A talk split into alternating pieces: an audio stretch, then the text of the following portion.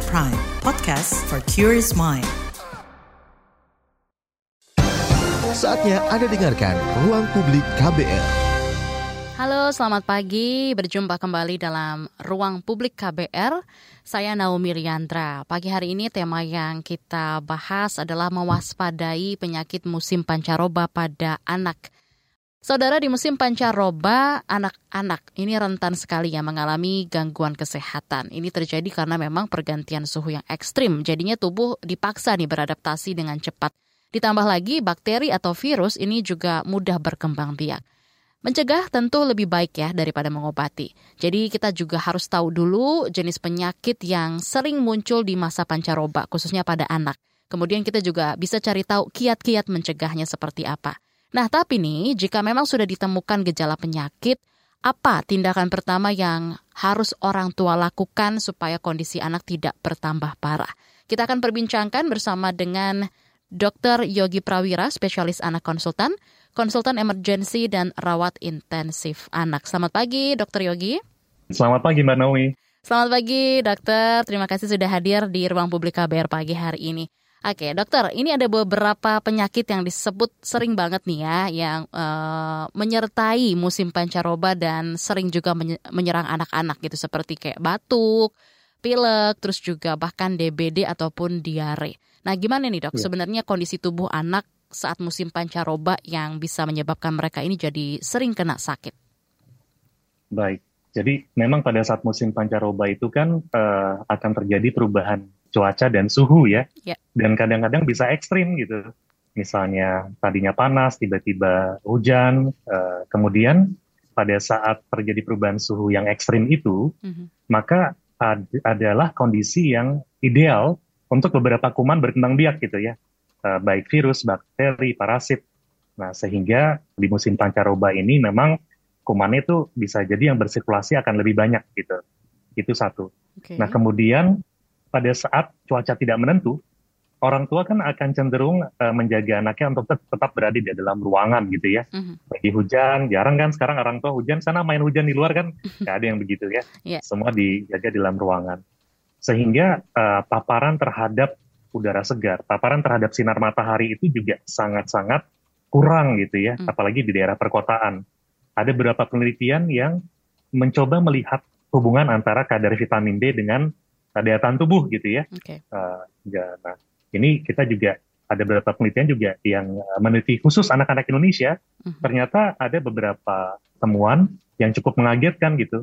Hampir 50% anak-anak yang diteliti tersebut uh, itu mengalami kekurangan vitamin D. Uh. Nah, vitamin D sendiri ini sangat berperan uh, dalam proses uh, apa ya? Uh, menekan proses peradangan pada saat tubuh terinfeksi gitu ya kemudian juga berperan untuk daya tahan tubuh. Nah, sehingga uh, kombinasi ini akan menyebabkan anak menjadi lebih uh, mudah sakit ya. Oke. Okay. Jadi memang kondisi yang nggak menentu ini buat anak tuh jadi seperti mungkin banyak di dalam ruangan juga saat ini dok ya. Jadi kurang dapat udara segar, uh, terus juga sinar matahari dan ini nantinya bisa juga uh, daya tubuh jadi menurun. Oke dokter, ada nggak nih gejala umum yang kira-kira menyertai penyakit-penyakit pancaroba ini dok? Mungkin bisa dijelaskan. Baik, uh, iya, kalau secara umum uh, penyakit infeksi sering kali dimulai uh, dengan adanya gejala tergantung ya, dia masuknya dari mana nih? Mm-hmm. Kalau lewat saluran pernafasan, sering kali kan diawali dengan batuk pilek gitu ya. Yeah. Nah, kemudian kalau saluran cerna, kadang-kadang dimulai dengan muntah-muntah dulu, sakit perut, mm-hmm. uh, kemudian bisa diikuti dengan diare. Hmm. Dan gejala yang sangat umum adalah demam ya. Okay. Suhu normal anak itu antara 36,5 sampai 37,5. Ini hmm. sekaligus mengingatkan untuk orang tua uh, kita pada saat uh, apa ya mengontrol, hmm. uh, memonitor suhu anak itu harus menggunakan alat yang objektif gitu ya. Hmm. Uh, jangan pakai uh, kan sering kali tuh pakai tangan meter gitu ya. Iya. Jangan. Yeah. Pakainya termometer. Hmm. Termometer pun harus di tera gitu. Kadang-kadang termometernya udah sekian tahun gitu ya dari zaman anak pertama, sekarang udah anak ketiga, baterainya nggak pernah diganti gitu misalnya. Itu harus oh, di tera sebenarnya. Okay. Nah, suhu normal tiga enam setengah sampai tiga tujuh setengah. Nah, kemudian kita katakan dia demam di atas 38. Nah, gejala demam uh, kadang-kadang bikin orang tua panik gitu ya. Iya. Padahal yeah. demam itu tandanya tubuh sedang berusaha untuk melawan infeksi yang masuk ya pada mm. pada penyakit infeksi. Mm -hmm. Jadi udah uh, cemas duluan ya dok ya kalau sudah demam hmm. seperti itu. Padahal itu tubuh lagi mencoba untuk bisa melawan bakteri yang masuk. Nah, uh, apa nih kira-kira yang harus orang tua lakukan kalau anak mengalami gejala-gejala yang tadi dokter sampaikan begitu dok? Apakah langsung kasih Baik. obat gitu ya? Karena kan orang tua punya caranya masing-masing ya. Atau dikasih minyak kayu putih atau seperti apa nih dok? Hmm. Kira-kira penanganan yang tepat di awal ketika anak mengalami gejala yang tadi uh, dokter sebutkan? Baik, uh, tentu yang pertama adalah jangan panik ya, jangan panik itu dulu karena begitu sudah panik biasanya jadinya tidak rasional hmm. gitu ya. Nah, kemudian uh, belajar ya menjadi orang tua itu kan uh, proses pelajaran seumur hidup gitu ya. Dan masing-masing anak mungkin punya uh, karakteristik yang berbeda-beda gitu. Pada saat anak menunjukkan gejala infeksi mm -hmm. ya, maka yang penting untuk kita ketahui adalah tanda-tanda bahaya. Itu dulu yang dipantau. Mm. Tanda-tanda bahaya uh, secara sederhana kita bisa membagi menjadi tiga bagian nih. Yang pertama adalah behavior atau perilaku atau penampilan anak gitu. Nah, orang tua nih kalau hari-hari uh, dia menjaga anaknya ya, hmm. karena situasi sekarang kan kadang-kadang yang lebih paham tampilan hari-hari bisa neneknya, yeah. bisa pengasuhnya gitu ya. Nah itu akan kelihatan anak saya biasanya nggak tidur siang. Kok hari ini tidur siang lama banget gitu misalnya. Mm Uh, anak saya biasanya aktif banget gitu ya, lari-lari ke sana kemari. Ini cuma anteng duduk di depan TV gitu ya. Mm Jadi sesederhana dengan memantau perubahan penampilan, perubahan perilaku, itu kita bisa uh, alarm kita nyala gitu. Ada apa ini? Kenapa dia berbeda?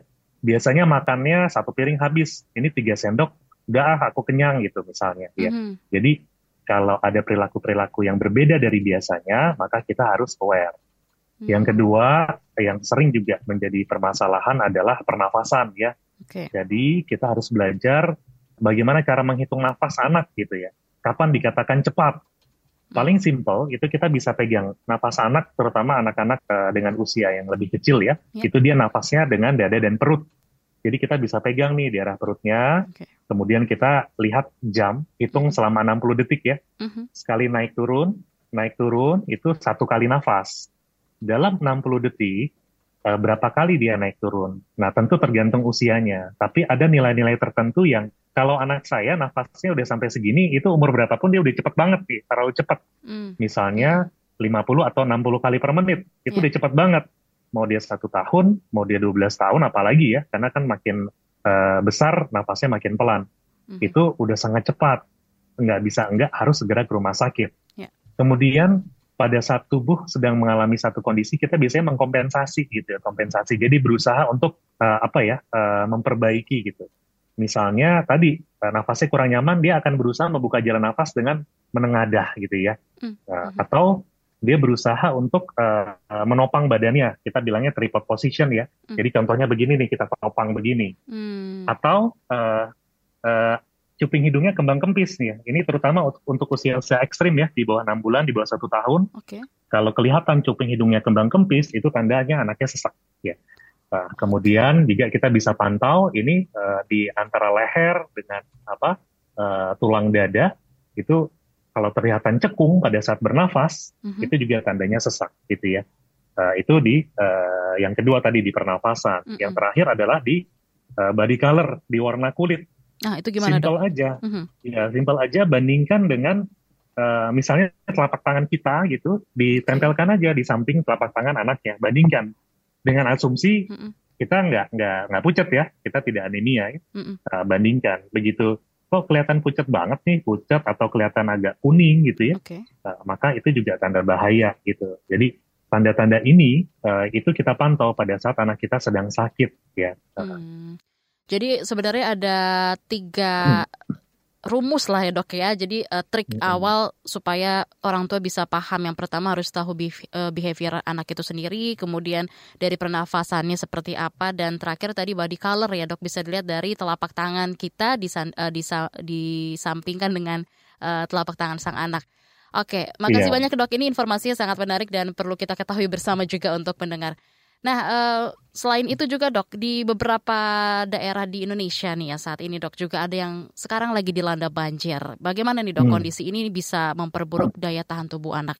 Apakah uh, kondisi ini atau penyakit-penyakit lain yang sering sekali menyerang anak-anak jadi korban banjir itu masih terus bergulir sampai saat ini, dok? Baik ya, yang tadi itu hmm. uh, saya balik lagi ke yang tadi cara gampang mengingatnya dengan 3B aja. Tadi kan behavior, okay. uh-huh. B yang kedua breathing, breathing atau pernafasan, uh-huh. B yang ketiga body color gitu ya. Uh, sekarang untuk pertanyaan berikutnya mengenai banjir, betul nih di yeah. apa namanya setiap hari kan selalu turun hujan ya uh, di banyak daerah di Indonesia.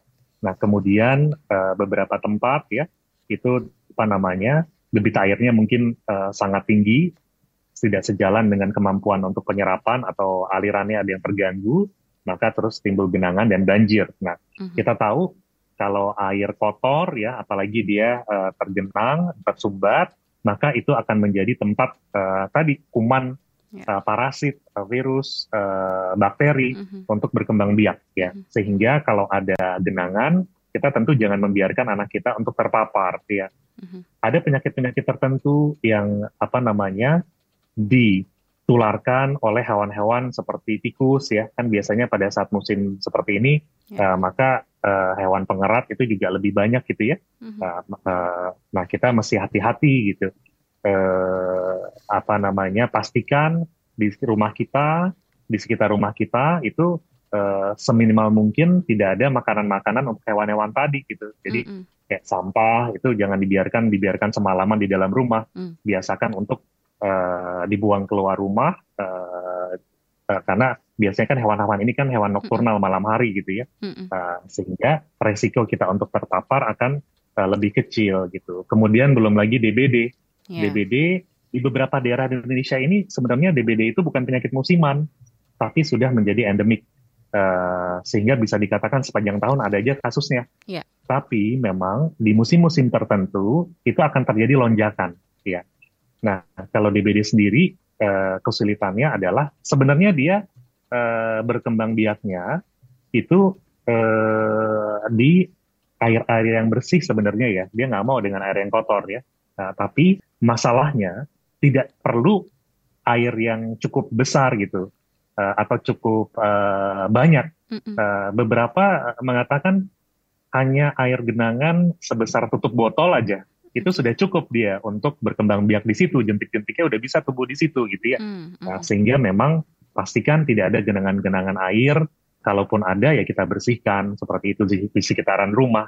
Uh, kemudian tentu uh, ngobrol ya. Karena beberapa penyakit ini uh, seperti contohnya DBD kan ada radius nyamuknya untuk bisa uh, terbang dan menginfeksi orang lain. Jadi hmm. kalau ada tetangga radius katakanlah 300 meter sekitaran rumah itu sakit DBD ya kita sudah tahu nih berarti radius uh, 300 meternya itu mesti dijaga betul yang 3M zaman dulu itu ya yeah. itu sebenarnya masih berlaku sih uh, seperti itu. Oke okay, baik Dokter Yogi nanti kita kembali lanjutkan perbincangan pagi hari ini tetaplah bersama kami di ruang publik KBR.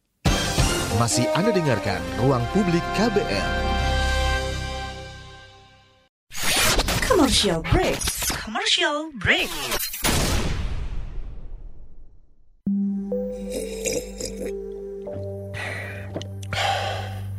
Yakin, cukup teh doang. KBR Sore, siap menjadi teman sore hari kamu, biar kamu gak kesepian. Dapatkan rangkuman perkembangan berita terpenting di sore hari dari bidang politik, ekonomi, sosial, budaya, dan olahraga dari dalam dan luar negeri. Simak KBR Sore setiap hari Senin sampai Jumat mulai pukul 16 di radio jaringan KBR seluruh Indonesia dan di kbrprime.id search KBR Sore. Masih Anda dengarkan Ruang Publik KBR. Waspadai penyakit di musim pancaroba pada anak yang sering kita bahas di ruang publik KBR bersama dengan Dr. Yogi. Baik, dokter uh, tadi sudah menyebutkan juga ya untuk Anda pendengar yang juga mungkin baru menyimak. Jadi jika Anda mungkin merasa curiga gitu ya uh, anak Anda sepertinya lagi sakit, bisa tadi dicoba menerapkan uh, eh, 3B gitu ya. Yang pertama dilihat dari behaviornya, kemudian yang kedua briefing pernapasannya dan yang terakhir adalah body color. Jadi uh, telapak tangannya itu seperti apa warnanya pucat atau tidak. Gitu ya dok kira-kira. Oke, dokter sebelum kita bacakan beberapa pesan WhatsApp yang sudah menumpuk, C.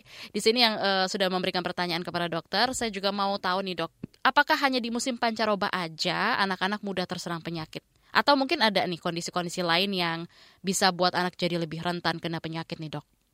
Baik ya, jadi uh, secara prinsip memang uh, untuk satu penyakit itu bisa menginfeksi, itu kan ada tiga faktor ya. Faktor pertama adalah faktor dari kumannya itu sendiri. Mm-hmm. Ada beberapa kuman yang sangat infeksius, artinya sangat menular, mm-hmm. uh, ataupun kalau terkena bisa sangat berat gitu ya. Yeah. Ya. Uh, itu uh, biasanya kita akan mencoba membuat vaksinnya untuk kuman-kuman ini.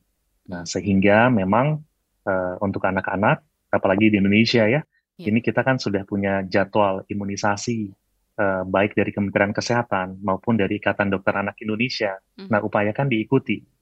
Uh, bahkan di beberapa uh, provinsi itu bukan hanya vaksin-vaksin produksi dalam negeri ya, yang memang sudah kan Bio Farma kita mm -mm. punya apa namanya uh, produsen vaksin yang bahkan sudah mengekspor ke lebih dari 30 negara.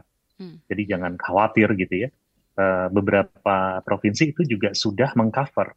Penyakit-penyakit yang vaksinnya belum bisa dibuat di dalam negeri. Jadi itu kayak disubsidi pemerintah ya. Okay. Uh, seperti di DKI Jakarta itu ada vaksinasi untuk pneumokokus, untuk radang paru-paru atau pneumonia. Hmm. Uh, asalkan uh, dari awal dari usia dua bulan memang sudah diberikan dan diikuti sesuai jadwal seperti itu. Nah, jadi itu untuk penyakit-penyakit yang memang hmm. uh, kalau kena terinfeksi secara alamiah dia bisa berat sebaiknya hmm. kita vaksin kalau ada vaksin ya.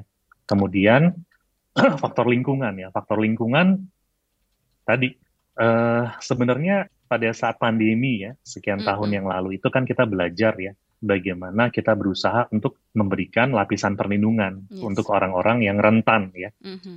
Uh, itu pada saat situasi sekarang pancaroba banyak yang batuk pilek, kemudian uh, sering kali tetap masuk sekolah. Mm-hmm kemudian belum lagi ruangan sekolahnya cenderung ventilasinya biasanya tidak terlalu baik ya, yeah. ada jendela nggak pernah dibuka gitu misalnya ya, atau sebagian sudah menggunakan AC sentral gitu misalnya, mm -hmm. sehingga nggak ada sirkulasi alamiah yang menyebabkan begitu ada satu dua anak saja mm -hmm. yang dia sakit di ruangan itu, kemudian dia batuk, maka dropletnya ya, jadi yang berisi percik itu yang berisi virus, mm. bakteri itu dia akan muter-muter di situ aja nanti sebentar aja anak-anak lain sudah akan tertular gitu. Oke. Okay. Maka kita membiasakan anak uh, kalau sakit atau kalau teman ada yang sakit ya kita gunakan masker, kita cuci tangan gitu ya. Hmm. Kemudian upayakan ya sebisa mungkin ada kesempatan untuk buka jendela atau berada di luar ruangan ya kita berada di luar ruangan. Jadi waktu bermain dan sebagainya ya keluar ruangan biar dapat paparan udara segar. Nah, kemudian uh, untuk uh, anaknya sendiri ya, hostnya sendiri, anak di bawah lima tahun ya, itu secara umum daya tahan tubuhnya itu memang masih belum sempurna. Ya. Kalau sakit, uh, resiko menjadi beratnya lebih besar gitu ya. Mm-hmm. Jadi kadang-kadang orang tua merasa anak saya belum sekolah kok di rumah aja gitu. Mm. Nah, tapi kenapa kok dia demam, batuk pilek, bahkan mm-hmm. sampai sesak gitu ya. Terus uh, ada nggak yang sakit di rumah? Ya saya cuma uh, batuk pilek biasa aja dok gitu ya ya tadi mungkin ya, orang tuanya ya, bekerja, iya mm orang tuanya bekerja terpapar infeksi, tapi daya tahan tubuhnya sudah komplit nih gitu ya, sehingga gejalanya ringan sampai di rumah nularin ke anaknya dengan yang masih rentan gejalanya jadi berat gitu, mm. uh, sehingga ya untuk anak-anak dengan usia-usia ekstrim ya, uh, balita tadi ya, apalagi kalau bayi gitu ya, kayak kita jaga banget gitu, jangan sampai dia terkena infeksi. Kalau orang-orang uh, yang masih beraktivitas gitu yeah. Ya. uh, pulang ke rumah merasa ada gejala yang uh, tadi ya walaupun merasanya ringan-ringan saja mm -mm. ya upayakan jangan sampai anaknya tertular ya pakai masker dan sebagainya sebenarnya yeah. Ya. uh, modifikasi gaya hidup yang berlangsung sekian tahun kemarin itu uh, itu uh, bukan cuma mencegah covid ya dia ya. mencegah banyak penyakit infeksi terutama yang lewat lewat saluran pernapasan. Mm. Tapi sayangnya itu sudah uh, bisa dikatakan memudar kalau nggak mau hilang gitu ya. Oke, baik dokter. Kita akan bacakan beberapa pesan WhatsApp yang sudah masuk dan juga dari YouTube. Uh, kita baca dulu. Yang pertama dari Yogi Listu. Dok, gimana dengan obat sirup? Apakah sekarang sudah aman untuk anak balita? Karena dulu sempat ada isu, ada zat berbahaya. Anak saya kalau sakit sukanya minum obat sirup, dok. Gitu ya. Oke, satu lagi dari WhatsApp kita baca. Rama di Banjarbaru, apakah penyakit DBD itu rutin menyerang anak dan bagaimana cara pencegahannya? Apakah berbeda dengan orang dewasa? Silakan dokter boleh ditanggapi terlebih dahulu. Baik, jadi yang pertama mengenai sirup nih Mbak Naomi, ini iya. memang apa namanya sebenarnya informasi mengenai obat sirup ini sudah terbuka untuk publik ya. Mm. Tapi uh, banyak yang mungkin uh, apa ya, dulu kan mm. setiap hari itu di berita selalu keluar tuh. Ya betul. Uh, karena kita dikagetkan adanya ratusan ya, ratusan anak yang uh, perburukan dengan sangat cepat ya, mm -hmm. uh, sebagian bahkan sampai meninggal dunia, yes. sebagian yang sembuh mengalami gangguan eh, ginjal ya. Uh, setelah ditelusuri itu berkaitan dengan obat sirup yang terkontaminasi mm. uh, dengan pelarut yang sedianya bukan untuk dikonsumsi gitu ya. Okay. Nah itu uh, setelah ditelusuri lagi, mm-hmm. uh, memang ternyata karena kan kejadiannya bukan hanya di Indonesia, ya. Kalau kita ingat itu di Gambia, di India, Betul. di beberapa negara itu terjadi. Jadi uh, pada saat itu ya nih nariknya agak jauh nih, uh, narik ke peperangan ya. Hmm. Jadi perang uh, Ukraina Rusia kemudian uh, ternyata menyebabkan banyak hal uh, di bidang industri yang terkendala ya. Hmm. Bahan-bahan baku yang banyak di beberapa itu termasuk bahan baku untuk uh, sirup pelarut sirup itu diambil dari Eropa. Yeah. Itu akhirnya uh, suplainya berkurang sehingga uh, namanya supply berkurang, maka dia berusaha untuk memenuhi kebutuhannya dulu ya hmm. di benua sana dulu. Padahal di negara-negara seperti tadi kan di Asia, di Afrika, itu kan uh, produsen-produsen sudah memproduksi obat sirup sendiri. Yeah. Nah, karena pelarut yang uh, harusnya digunakan itu suplainya terputus, maka para produsen itu mencari, berusaha mencari. Nah, di sinilah titik lemah dari pengawasannya karena harusnya kalau dia menemukan satu bahan baru, itu kan di lab dulu, diperiksa dulu kandungannya tuh bener nggak sesuai dengan yang dikatakan si penjual gitu kan. Yeah. Iya. Uh, ternyata ini bahan baku untuk pelarut sirupnya. Jadi bukan bahan aktif, bukan obatnya ya, tapi pelarut untuk jadi sirup. Mm -hmm. Itu ternyata terkontaminasi uh, EG ya, ethylene glycol dengan diethylene glycol. Okay. Dan dua zat kimia ini sangat toksik. Mm tidak boleh dikonsumsi gitu ya. Mm-hmm. Ada batasan yang sangat kecil yang masih diperbolehkan. Nah, karena sedianya nih pelarut-pelarut ini digunakan buat apa? Buat uh, coolant ya, radiator mobil mm-hmm. gitu ya. Jadi untuk bahan-bahan industri seperti itu gitu. Nah, bisa dibayangkan yeah. nah, karena ada lemahnya kontrol di situ ya, baik dari sisi produsen, mungkin dari sisi pengawasan uh, dari pemerintah, akhirnya masuk ke dalam sirkulasi produksi, mm-hmm. uh, kemudian sampai ke konsumen. Ya. Nah, berita baiknya setelah itu kan semua orang berbenah diri ya. Yeah. Produsen berusaha berbenah diri dengan memastikan kalau sumber bahan bakunya itu ya memang dari sumber terpercaya dan dia harus melakukan uji secara berkala gitu ya. Mm. Kemudian dari pemerintah juga berusaha untuk melakukan monitoring ya uh, bukan hanya pre-market tapi post-market gitu ya harusnya secara uh, berkala itu uh, random aja diperiksa aja yang di lapangan tuh gimana gitu ya. Mm-hmm. Nah, hmm. Sampai sejauh ini uh, setahun belakangan ya insya Allah itu kita tidak bertemu lagi dengan kasus-kasus yang berkaitan dengan sirup yang terkontaminasi. Nah tapi hati-hati untuk uh, teman-teman yang hmm, senang menyimpan uh, obat-obatan gitu ya, yeah. obat-obatan lama yang produksinya mungkin satu dua tahun terakhir. Nah itu sebaiknya jangan disimpan ya, apalagi kalau uh, ternyata terja uh, produksinya itu di batch-batch number yang pada saat uh, sedang uh, apa namanya sedang terjadi krisis kemanusiaan tadi. Yeah. Ya kan kalau yang di apotik, rumah sakit dan sebagainya itu kan sudah dimusnahkan. Mm. Tapi kalau sudah sampai di konsumen kan susah nih.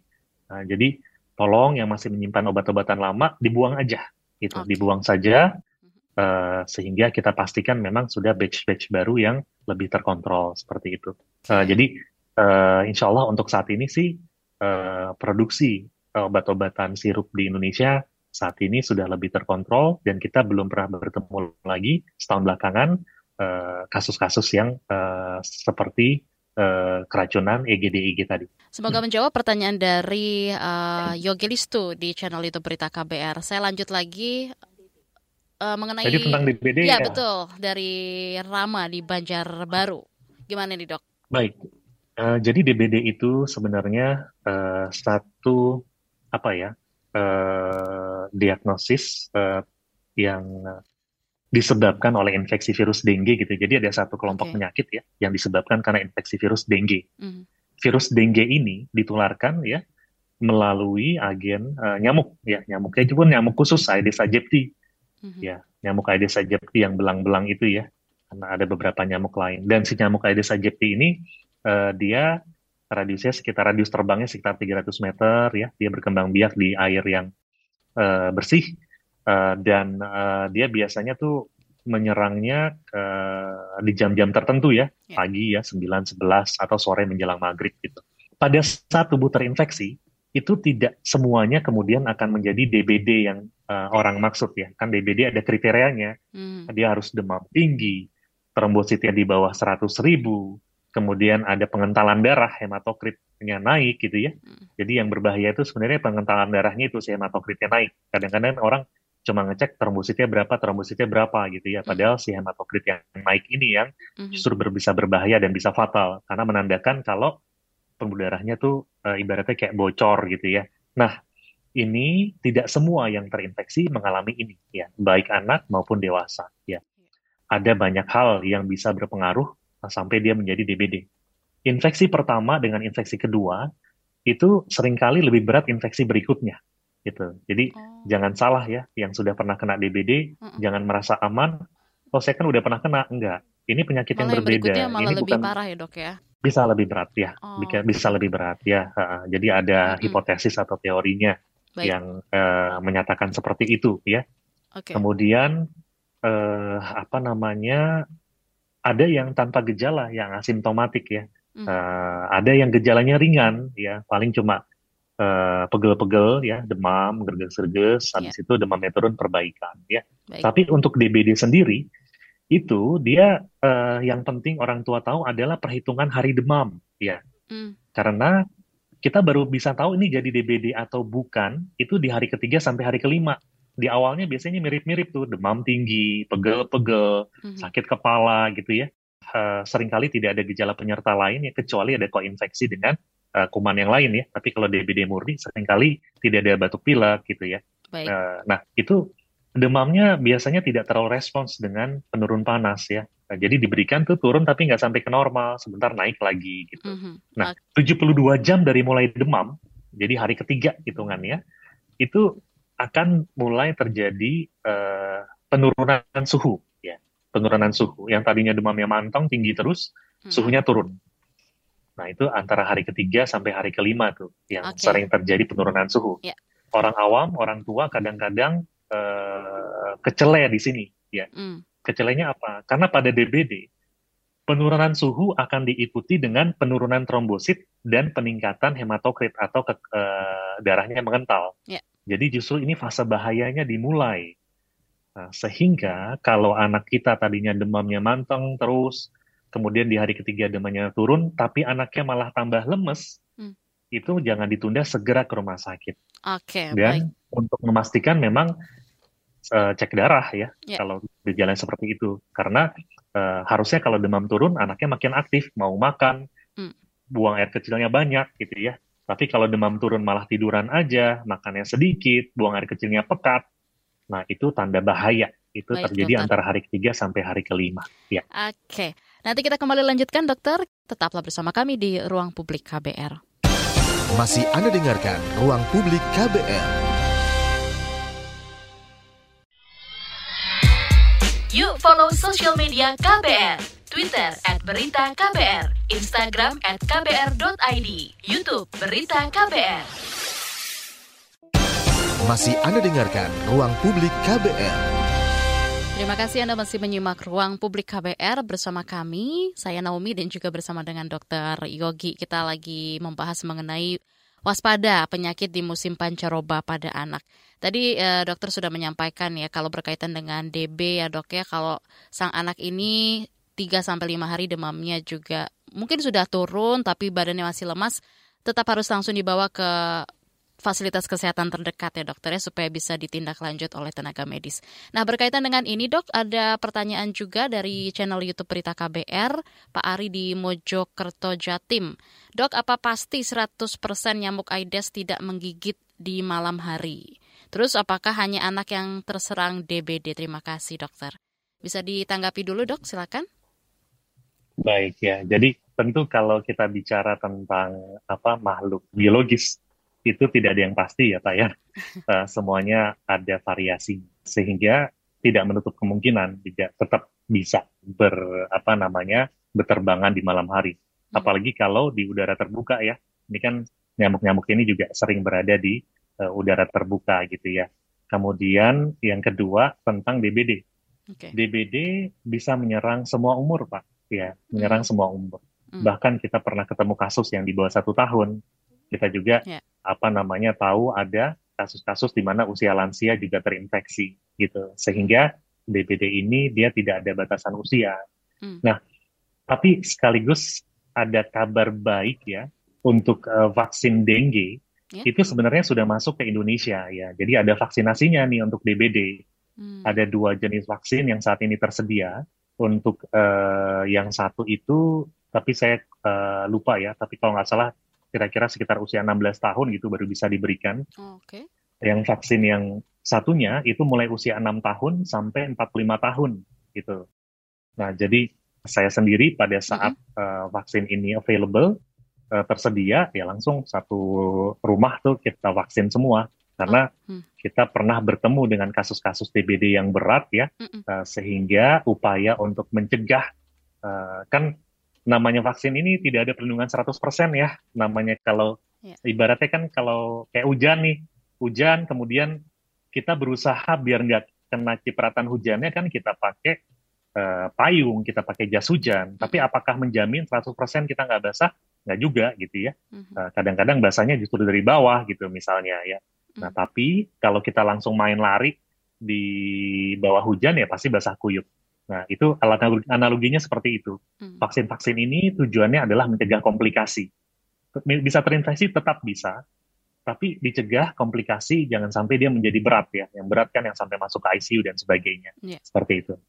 Oke, baik. Nah, sebenarnya dok, siapa sih yang harus divaksin dengue ini? Apakah hanya diberikan satu kali atau gimana nih dok? Oke, vaksinasi dengue itu, uh, tapi nanti uh, saya harus cross check lagi ya. ya uh, ada yang memang harus diulang uh, hmm. dua kali ya. Uh, kemudian untuk usianya, hmm. karena kan vaksin ini adalah produk yang insya Allah paling aman ya, produk kesehatan yang paling aman. Kenapa? Karena aturannya itu ketat banget gitu. Penelitiannya itu bisa apa namanya bertahun-tahun, ada yang bahkan belasan tahun gitu, ya. sampai akhirnya boleh diuji kliniskan di manusia. Hmm. Setelah itu, setelah uji klinis di manusia kan hasilnya keluar nih. Hmm. Uh, yang pertama dilihat adalah safety-nya, aman atau tidak. Uh, jadi apakah ada efek samping yang berat ya. Yeah. Uh, yang kedua adalah uh, efikasinya, efektif atau tidak. Mm-mm. Nah ternyata untuk vaksin yang terakhir ini dia aman dan efektif untuk usia 6 tahun sampai 45 tahun tadi. Ya, mm. yang sebelumnya antara 16 tahun sampai usia berapa gitu ya. Yeah. Nah, sehingga apa namanya pada orang-orang yang memang beresiko untuk terpapar infeksi virus dengue ini ya. Hmm. Jadi kalau negara-negara empat musim yang nggak ada dengue, dia mau bepergian ke negara tropis, sebaiknya divaksin. Atau orang-orang yang memang tinggal di uh, tempat-tempat uh, endemis tadi. Baik, dokter saya baca lagi dari WhatsApp sudah ada yang bergabung 0812 uh, dari Aldian Syah. Selamat pagi Mbak Naomi dan Dr. Yogi. Selamat pagi juga. Saya mau tanya, kalau batuk kering itu jadi masuk kategori perubahan cuaca tidak? Begitu saja pertanyaannya. Terima kasih. Bisa langsung ditanggapi Baik. Oke, batuk seperti halnya demam tadi kan hanya gejala ya. Mm -mm. Yang paling penting kita mencari penyebabnya apa. Ya, kadang-kadang uh, sering kali uh, batuk ya pada individu-individu atau orang-orang yang mm -hmm. punya bakat alergi itu juga sering kali timbul lebih banyak di masa pancaroba. Iya. Jadi misalnya uh, saya punya alergi terhadap uh, udara dingin gitu misalnya, ya. Uh, maka pada saat udara dingin ya uh, suhu uh, turun, maka saya akan timbul tuh gejala uh, bisa batuk, bisa pilek gitu ya, uh, bisa bersin-bersin seperti itu. Ya.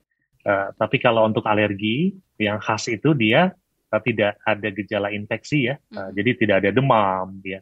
Kemudian walaupun batuknya bisa kedengaran parah, tapi orangnya kelihatan fine-fine aja, sehat-sehat aja. Hmm. Dan sering kali uh, nanti menjelang siang sinar matahari keluar, terus atau hilang aja gitu, nggak ada gejala. Uh, nanti tengah malam ya, atau timbul lagi, lagi gitu uh, dan hebat lagi uh, gitu. Uh, uh, nah, ya jadi dia ada apa namanya episodiknya gitu ya, seperti itu. Nah, kalau memang ternyata karakteristiknya sesuai dengan batuk alergi, mm -mm. maka mau diobatin sebanyak apa pun, sesering apa pun, mm -mm. tapi kita masih terpapar dengan pencetusnya, pasti akan timbul lagi, timbul lagi. Jadi PR besarnya mencari apa sih kira-kira pencetus batuknya. Kalau karena debu, kita hindari debu. Kalau karena dingin, kita hindari dingin. Karena kalau makanan tertentu, ya kita hindari. Gitu. Oke, lanjut lagi dokter. Dari, dari Lombok ada Ibu Yuli. Kalau misalnya punya anak dua, satu balita dan satu bayi, lalu salah satunya sakit, gimana kita merawat tapi juga memastikan saudaranya nggak ikut tertular penyakit? Ini gimana dok? Baik ya, jadi uh, untuk bayi ya itu memang populasi yang sangat rentan ya, uh, hmm. karena apalagi di 28 hari pertama tuh, yeah. itu apa ya respons tubuhnya terhadap infeksi dan sebagainya itu berbeda gitu ya. Mm-hmm. Sulit bahkan untuk uh, dokter sekalipun ya kalau dia tidak terlatih menangani bayi itu untuk bisa melihat ya. Karena perubahannya itu bisa dalam hitungan detik dan menit gitu ya, bukan bukan jam dan hari. Nah, sehingga memang kita harus hati-hati jangan sampai tertular. Mm. Nah, yang kita bisa kerjakan uh, dan juga terutama uh, sangat penting adalah pemberian ASI eksklusif Okay. Kenapa? Karena di dalam ASI itu ada zat namanya imunoglobulin ya. Mm-hmm. Nah, jadi ini zat yang sangat mahal ya, karena dia bisa uh, berfungsi sebagai tentara di dalam tubuh si bayi. Mm-hmm. Jadi kalau dia kena infeksi, imunoglobulin akan bekerja untuk melawan infeksi tersebut. Jadi mm-hmm. upayakan bayinya ini diberikan ASI eksklusif. Kenapa? Kalau bayi-bayi ASI eksklusif itu jarang sakit ya. Nanti e, begitu sudah besar ya mulai terpapar macam-macam nah itu mulai baru tuh mulai timbul penyakit-penyakit langganan gitu ya. Okay. ya karena tadi ada imunoglobulin ya zat yang yeah. fungsinya bisa sebagai tentara untuk melawan infeksi ya untuk si kakaknya sendiri kalau memang sudah bisa diberitahu mungkin uh, kasih tahu aja apa namanya adanya jangan dicium-cium dulu ya gitu misalnya yeah. Iya. uh, atau uh, kakak kalau pas lagi masuk uh, bareng nih Eh, ke kamar eh, tempat adik selama lagi batuk pilek pakai masker dulu ya gitu. Nanti kalau diajarkan uh, anak-anak sekarang tuh uh, sangat cerdas dan kritis ya. Yeah. Kadang-kadang kalau cuma dikasih perintah saja, mm -mm. itu mereka uh, akan mencari cara untuk tidak mengerjakan. Tapi kalau kita kasih reasoning di baliknya, mm. uh, adik itu uh, lemah, beda sama kakak yang badannya udah kuat ya. Tentara di badan adik itu masih sedikit banget. Nah, mm. di kakak ini misalnya sedang ada musuh nih ya, musuhnya itu lagi nyerang nih di saluran nafas kakak, makanya kakak sekarang meler terus, batuk-batuk terus. Nah, hmm. Nah, tapi musuh ini kalau sampai masuk ke badannya adik, kalau tentaranya nggak ada gimana? Bisa keok gitu ya, misalnya pakai hmm. bahasa-bahasa yang mereka bisa bisa pahami seperti itu. Oke, okay, baik Dokter, nanti kita lanjutkan lagi beberapa pertanyaan yang masih menunggu untuk dijawab oleh Dokter Yogi. Untuk Anda pendengar, tetaplah bersama Ruang Publik KBR dengan tema waspadai penyakit di musim pancaroba pada anak. Masih Anda dengarkan Ruang Publik KBR. Commercial break. Commercial break. Buat kamu yang always hektik, apalagi di kantor yang toxic, working gak ending-ending, ditambah si bos yang grumpy, bikin salty. Apaan tuh artinya, Neng? Artinya si bos cerewet dan bikin bosen. Oh. Join yuk di KBR Pagi, siaran pagi radio paling update, menghadirkan berbagai informasi yang paling update dan terkini, ditambah playlist yang lit and chill. Apaan lagi ini artinya, Neng? Rese. artinya keren dan menyenangkan. Oh iya iya. Simak KBR Pagi setiap Senin sampai Jumat mulai pukul 7 pagi di radio jaringan KBR dan podcast kbrprime.id. Masih Anda dengarkan Ruang Publik KBR. Kita sudah sampai di siaran akhir Ruang Publik KBR pagi hari ini. Dokter Yogi, kita baca lagi uh, satu pesan yang sudah uh, dipilih oleh tim kami dari Pak Lukas di Medan. Tadi dokter menyebutkan cara-cara orang tua mendeteksi kalau anak sakit melalui 3B. Kalau ternyata ketiga gejala itu terjadi pada anak, apa yang harus segera dilakukan? Apakah orang tua harus kasih obat sendiri atau langsung dibawa ke dokter? Makasih Pak Lukas ya sudah menyimak. 3B tadi adalah cara sederhana untuk kita melihat tanda kegawat daruratan. Nah, sehingga uh, begitu ada tanda-tanda tadi, sebaiknya segera mencari pertolongan di uh, vaskes terdekat gitu ya. Yeah. Nah, itu. Untuk uh, di luar dari tanda bahaya tadi, mm -hmm. maka misalnya demam saja tapi anaknya masih aktif, masih mau main, masih mau makan gitu. Hmm. Maka kita bisa lakukan home treatment dulu. Okay. Nah, tapi kalau udah tanda bahaya, segera cari pertolongan. Ah, seperti itu ya. Semoga menjawab pertanyaan dari Pak Lukas di Medan. Dok, satu lagi ya dok, dari channel YouTube KBR ada Mas Doniel. Mohon ditanggapi dulu dokter. Uh, dokter, langkah awal apa supaya menghadapi musim pancaroba ini? Apa yang harus disiapkan? Mohon ditanggapi dok, silakan. Ini saya mungkin fokusnya ke anak tadi ya? Iya, betul dok. Atau ke semuanya? Ya, ke anak ya? Ke Oke, anak baik. Jadi, secara prinsip, uh, yang kita kerjakan adalah uh, berusaha untuk memberikan perlindungan gitu ya kepada si anak tadi.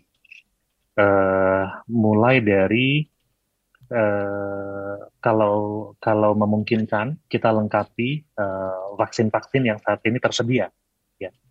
Uh, vaksin influenza itu dia bisa mencegah terhadap virus influenza yang sangat menular dan gejalanya bisa demam tinggi, batuk pilek sampai dengan sesak gitu ya. Itu musuh mulai usia 6 bulan itu bisa ya. Mm-hmm. Kemudian uh, vaksin rotavirus ya, itu bisa untuk mencegah diare.